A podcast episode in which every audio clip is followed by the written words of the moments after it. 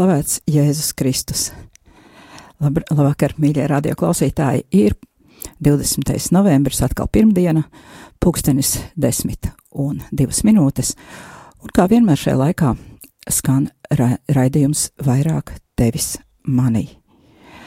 Ar jums kopā ēterā esmu es, Sandra Preisa, un šovakar, kā jau iepriekšējā raidījuma beigās solīju, turpināsim ievadu kritiskajā domāšanā.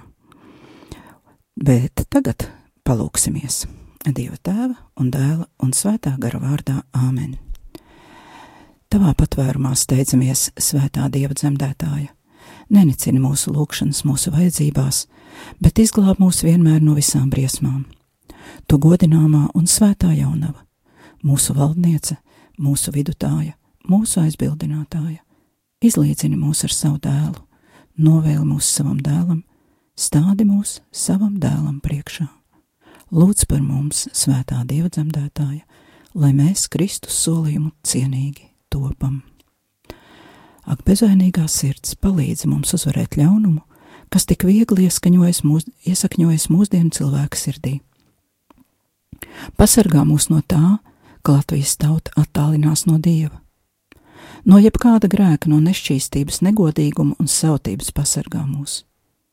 No grēkiem pret cilvēka dzīvību kopš bērna ieņemšanas brīža pasargā mūs. No naida un citu dievu bērnu pazemošanas pasargā mūs. No jebkāda veida sociālās netaisnības pasargā mūs. No starpnacionālām nesaskaņām pasargā mūs.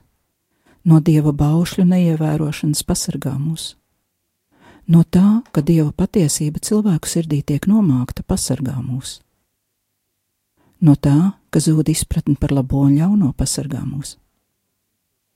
No grēkiem pret svēto garu pasargā mūs.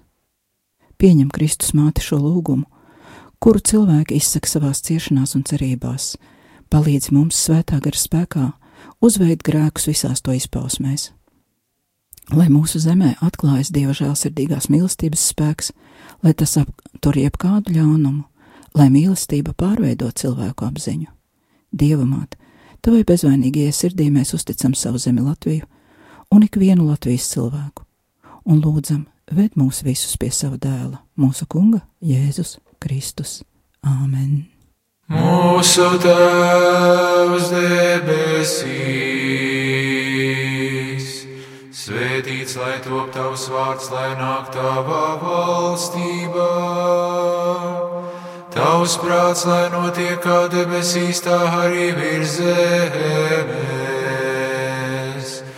Mūsu dienascho maizi dod mums šodien un piedod mums mūsu parādus, kā arī mēs piedodam saviem parādniekiem. Neieved mūsu kārdināšanā, bet atpestī mūs no ļaunā. Gods lai ir tēvam, dēlam un svētājam garam, tagad vienmēr un mūžīgi mūžam. Āmen! Kungs apžēlojies, kungs apžēlojies, kungs apžēlojies svētī.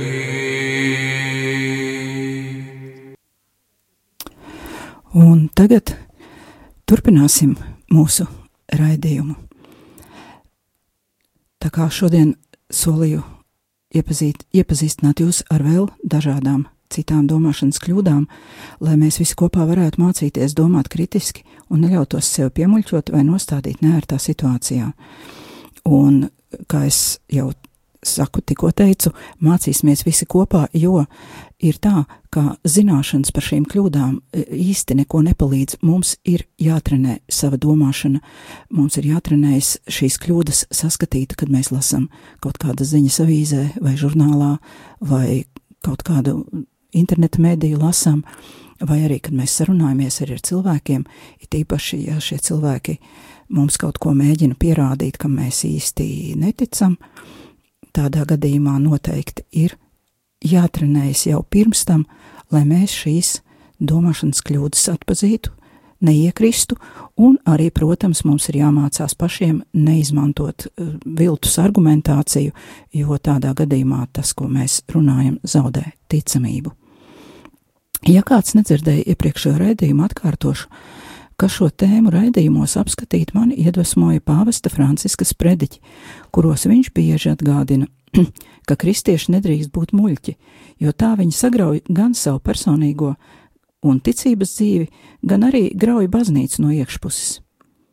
Attiecībā uz to, vai kristietis drīkst būt viltīgs, pāvests sniedza trīs ieteikumus, citēju.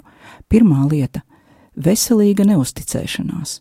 Mums jāuzmanās no tiem, kuri sola pārāk daudz vai daudz runā, mēģinot, piemēram, pierunāt, investēt savā bankā un solot atpakaļ saņemt ar uzviju. Otrā lieta - domāšana. Vēlns, kurš labi zina mūsu vājās vietas, cenšas mūs kārdināt, tāpēc ir svarīgi domāt pašiem ar savu galvu. Un trešā lieta - lūkšana. Ja ir kaut kas tāds, ko kristietis nedrīkst atļauties, tad tas ir naivums. Kristietis nedrīkst būt naivs, uzsver pāvests Francisks. Mēs ticīgie glabājam sevī lielu dārgmantu, proti svēto garu. Mums to ir jāsargā. Mēs nedrīkstam pieļaut, ka šī dārgmanta mums tiktu atņemta. Un tāpēc kristietis nedrīkst būt muļķis. Citāta beigas. Visa raidījuma gaitā es aicinu domāt līdzi, pārdomāt, kā es pats domāju līdzīgā situācijā, vai man ir bijušas kaut kādas līdzīgas situācijas, vai varbūt kļūdas, kuras es atceros, un raidījuma laikā vai pēc raidījuma vēl atcerēties, par ko mēs runājam, un pāanalizēt piemērus no savas dzīves.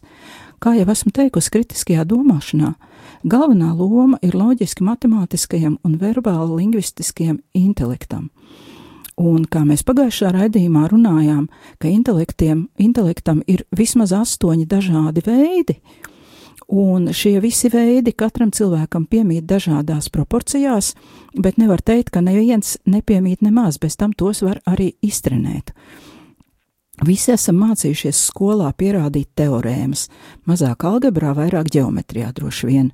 Esam mācījušies par dažādiem izteiksmes līdzekļiem dzimtajā valodā, esam mācījušies gramatis, gramatikas likumus un rakstījuši domrakstus un esejas par visdažādākajām tēmām.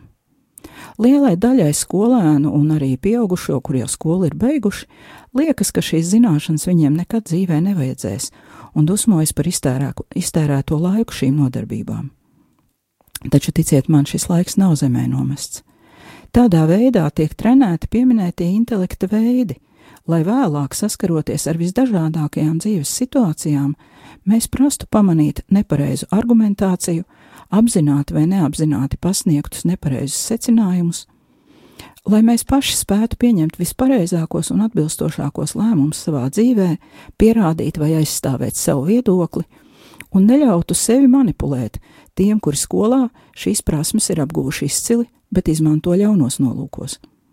Vai arī tādiem gluži pretēji, kuri paši nemāk domāt un iesaista mūs savās spēlītēs, jo mēs neprotam pamanīt viņu klajo muļķību Tātad, lai mēs, kā kristieši, spētu pastāvēt mūsdienu informācijas pārbagātībā un nepazaudētu savu ticību un veselo saprātu, ir jātrenē loģiski matemātiskais intelekts un verbāli lingvistiskais, kas nozīmē lietot pareizos vārdus, lai citi saprastu to, ko mēs vēlamies pateikt, un arī klausīties, kā runā citi, lai pareizi saprastu viņus, vai arī laicīgi pamatīt, pamanītu kļūdas viņu izteikumos. Šajos raidījumos, kā jau es esmu arī teikusi agrāk, dodu tikai impulsus. Mani raidījumi ir zināmā mērā provokatīvi, jo mērķis ir rosināt, meklēt vairāk, un arī, ja vēlaties ar mani pastrīdēties. Ja šīs dienas pārdomas jums radīs jautājumus, ar prieku pieņemšu zvanus ēterā. Atgādinu kontaktus, telefona numurs ēterā ir 67 969 131. Numurs izziņām 26 67 72 72, e-pasts vairāk tevis manī gmail.com.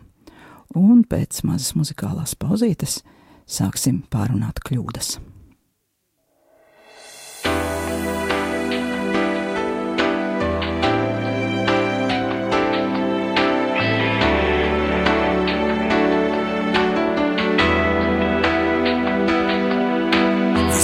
Visdārgākā eļļa virs zemes ir eļļa, kas nāk no debesīm. Tā vieno brāļus virs zemes un ienaidnieku dzēn pazemē. Visdārgākā eļļa virs zemes ir eļļa, kas nāk no debesīm. Tā vieno māsas virs zemes un ienaidnieku dzēn pazemē.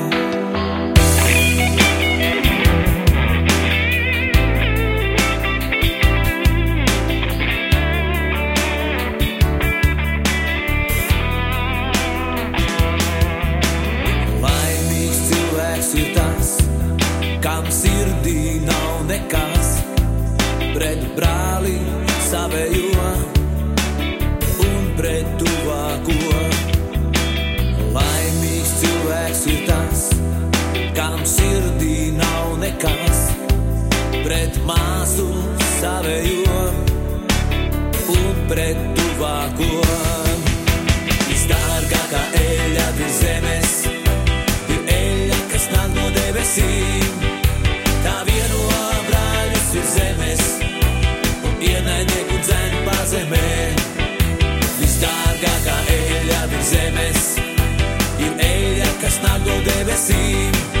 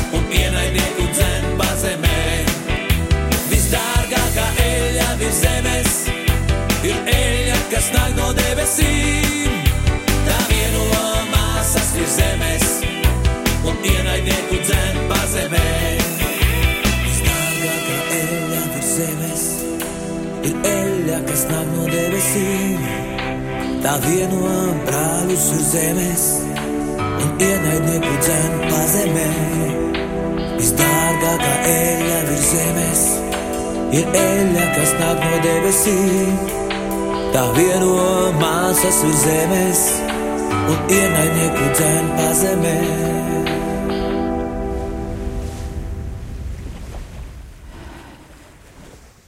Visdārgākā eļļa virs zemes. Laimīgs ir cilvēks, kam sirdī nav nekas pret brāli.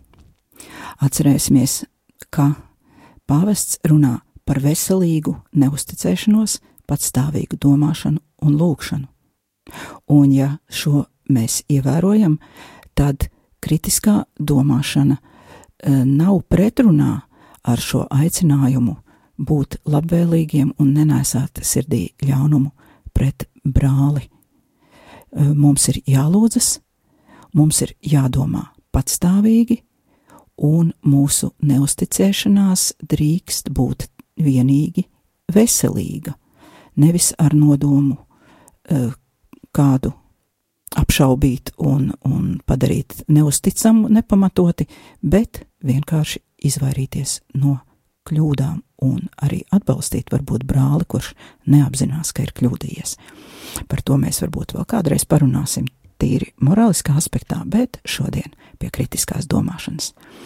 Šodien apskatīsim nebūtiska pamatojuma kļūdas.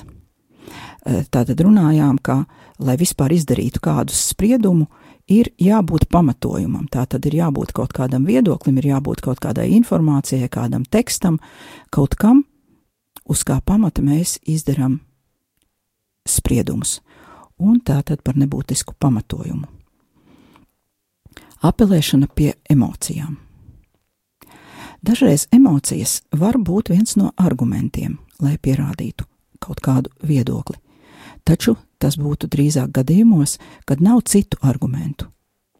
Emocijas ir izdevīgi ņemt palīdzīgā, ja mums ir jāpierāda kāda patiesība, par kuru esam pārliecināti, bet nespējam atrast pietiekamus argumentus, piemēram, kādā strīdā, spontānā strīdā, kurā mums nav laika piemeklēt kaut kādu ļoti tādu pamatotu un loģisku pamatojumu.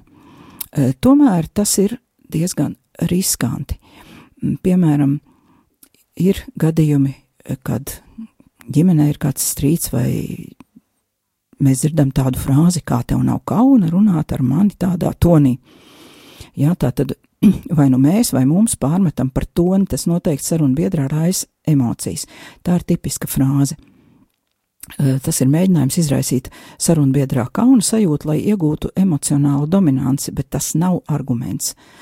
Un šāda emociju lietošana var novest pie personiskiem aizvainojumiem, nenest labus augļus, nenest uzvaru strīdā vai kādā patiesības meklējumā. Tā var novest arī pie kļūdas, kuru sauc ad hominem, kuru mēs apskatīsim nākamo. Bet vēl viens emocionālās argument, argumentācijas piemērs. To bieži izmanto dzīvnieku aizstāvji, jo patiešām ir briesmīgi, ka dzīvnieki tiek turēti nepiemērotos apstākļos. Cilvēki taisnīgi reaģē ar piekrišanu, īpaši, ja tiek izmantoti vizuālie materiāli. Bet te ir jābūt ļoti uzmanīgiem. Ir bijuši gadījumi, kad kāda dzīvnieka aizstāvja grupa tiek izmantota, lai celtu neslavu, kā, neslavu kādai firmai, uh, kura un vienkārši lai radītu skandālu, un šo akciju ir pasūtījuši konkurenti. Ļoti iespējams, ka bildes nemaz nav no tās fermas, bet skandāls jau ir sacelts, un tāpēc ko vajadzētu darīt? Ja pierādījumi kādā lietā vai jautājumā rada mūsos spēcīgas emocijas. Pirmā lieta - censties šīs emocijas apturēt, izanalizēt, ļaut viņām norimties un pārbaudīt avotus, ja ir laiks. Bet, jebkurā gadījumā, emocijas nav padomdevējs, lai pieņemtu kaut kādus lēmumus vai izdarītu secinājumus, jo kļūdu labot var gadīties vēlāk ļoti sarežģīti. Pirms noticēt un parakstīt kaut kādas petīcijas vai iesaistīties kaut kādā kustībā vai pat ziedot naudu kādai labdarībai, nomierināt emocijas un izanalizēt situāciju jau ar vēsu prātu.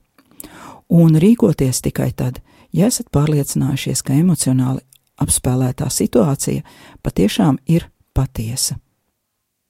Emociju argumenti var tikt izmantoti arī mobbinga gadījumos, kad kādā kolektīvā notiek aprunāšana un grupas lo locekļu rīdīšana vienam pret otru. Tas var būt darba vietā, vai skolā, vai jebkurā citā cilvēku grupā arī.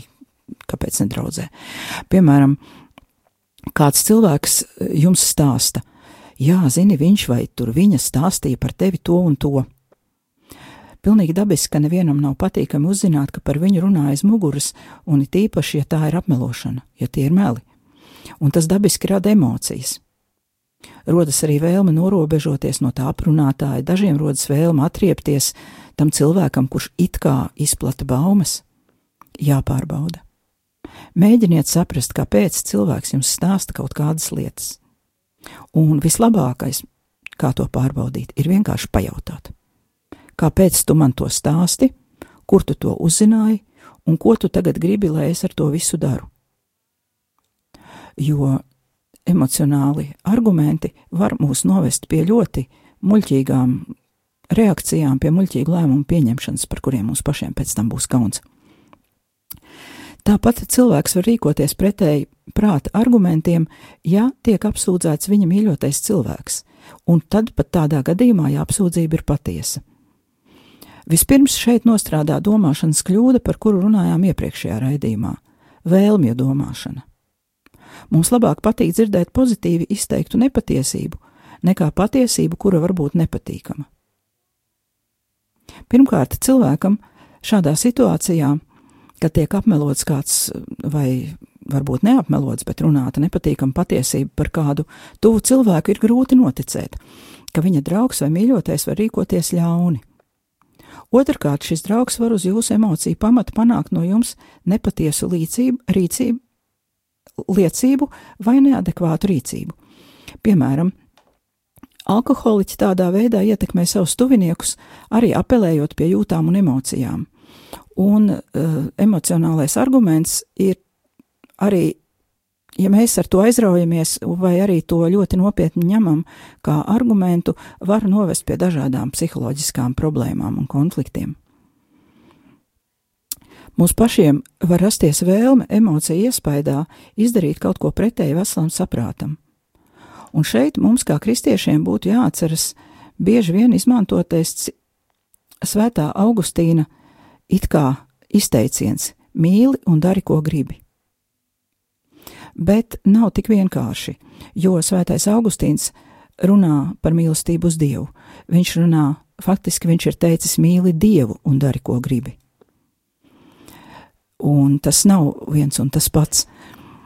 Jo, ja mēs mīlam kādu cilvēku, nevis dievu, un šo cilvēku mēs mīlam vairāk par dievu, varbūt mēs varam izdarīt arī grēcīgas darbības. Tātad, ja citi cilvēki apelē pie mūsu emocijām, mēs varam emociju iespējā ignorēt daudzus citus svarīgākus faktus.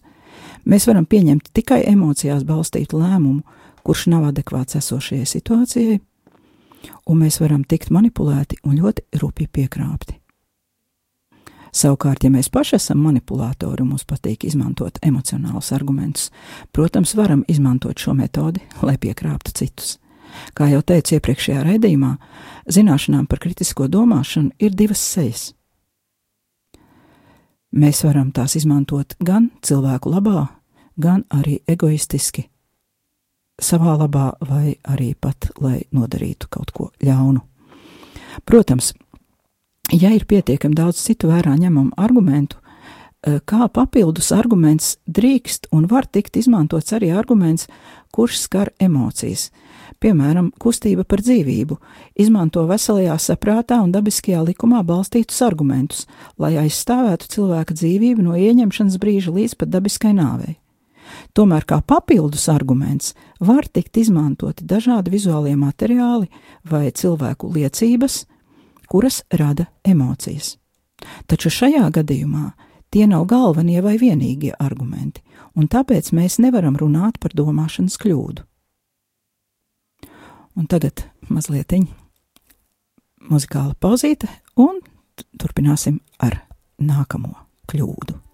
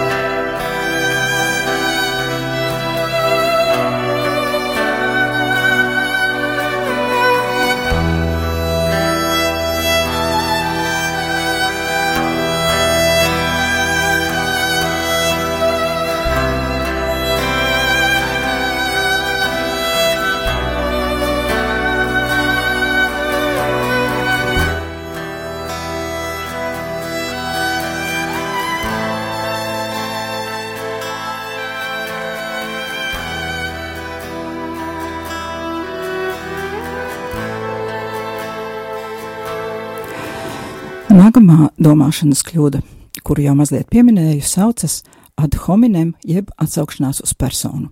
Vienkārši runājot, nerunāsim par problēmu, parunāsim par tevi. Tā ir vēršanās pret cilvēku, pret sarunas partneri personīgi, un nevis pievēršanās tēmai, par kuru būtu jārunā. Situācijā, kad, piemēram, tā tēma ir vienam sarunbiedram neērta. Sadzīviskā situācijā tas varētu būt apmēram tā. Kaimiņš savā pagalmā ir sakūris ugunskura un dedzina kaut ko smirdīgu, un smakas dēļ mēs kaut ko nevaram darīt. Vai nu savā dārzā, vai pat varbūt mājās. Un, kad lūdzam viņam ugunskura apdzēst, vai kaut kā citādi utilizēt atkritumus, viņa atbilde var būt, piemēram, nu tā nu gan smalka dāma atradusies, vai arī ko tu man dzīvot māci, labāk paskaties uz savu tur vīru, sievu, bērniem, vai tu tur paklusē un savai resnējai sievai ar pasaka, lai klusē. Nu, apmēram kaut kas tāds. Tā tad tā ir vēršanās pret personu, nevis eh, jautājuma risināšana. Uh, no draudzes dzīves, piemēram, kāds draudzes loceklis piedāvā priesterim, ka viņš varētu salabot un sēļot baznīcas durvju eņģis, jo citādi tās skaļi čīkst, kad uz misi nāk nokavējušies lūdzēji. Bet priesteris viņam atbild: Tev ir slikta lūkšana, ja tev durvju čīkstēšana traucē. Tā tad atkal ne par tēmu.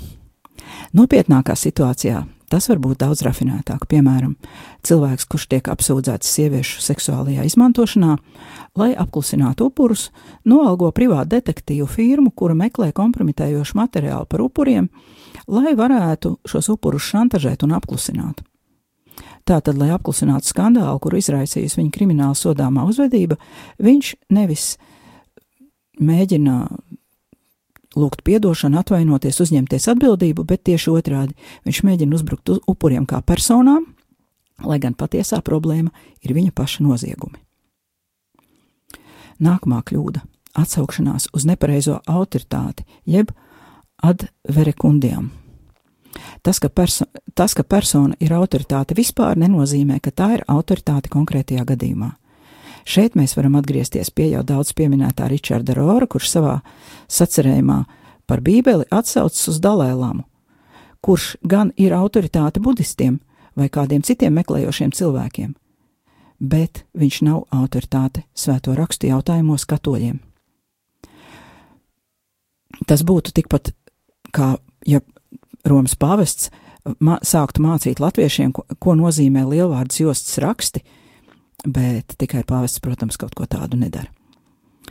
E, tad vēl ir atsaukšanās uz kaut kādām vispārējām autoritātēm, piemēram, zinātnieki ir apstiprinājuši, ka kafijas dzeršana piecreiz dienā pagarina mūža ilgumu. Kaut kādi zinātnieki ir apstiprinājuši, bet mēs neviens nezinām, kas un vai tā vispār ir patiesība. Vai, piemēram, izplatītās pārtikas piedevumu bezrecepšu medikamentu reklāmas, kurās kaut kādi cilvēki, ārsti vai pacienti izsaka savu viedokli. Ja mēģināsim pārbaudīt šo personu identitāti, visbiežāk tās ir izdomātas. Dažreiz bukletos latviešu, krievu un angļu valodā reklāmā redzama viena un tā pati seja, bet latviešu variantā viņu sauc par Jāni, krievu variantā par Nikolai, bet angļiem viņš ir Maikls. Realitātē tas ir kāds modelis, kurš saņem naudu par fotografijas izmantošanu reklāmās. Tāpat var būt arī atsaukšanās uz kaut kādām organizācijām, kuras vispār nepastāv. Tādēļ vienmēr ir jāpārbauda. Un atsaukšanās uz nezināšanu. Tas šodien pēdējais arguments, un Turpināsim nākamajā reizē. Tā tad atsaukšanās uz nezināšanu, jeb ad ignorancium. Šo argumentu, kas patiesībā nav arguments, izmanto, ja oponentam nav zināšana konkrētajā jomā, vai arī šādas zināšanas nepastāv vispār. Piemēram, mazu bērnu var viegli piemānīt, pasakot zināmo joku: Vējš pūš tāpēc, ka koki lokās. Bērnam nav nekādu zināšanu dabas zinībās vai fizikā, un viņš notic. Pieaugušiem, piemēram, var stāstīt, ka Atlantīdu ir uzbūvējuši citplanētieši, un šī civilizācija ir gājusi bojā kodola katastrofas rezultātā. Nevienam nav nekādu pierādījumu, neviens nezina, un, ja gribam, varam to pieņemt par patiesību. Bet tas nav nopietns arguments. Vai arī populārajos žurnālos raksta, ka starp cilvēkiem dzīvo citplanētieši reptiloīdi, bet viņus nevar atklāt, jo tie ir labi pielāgojušies.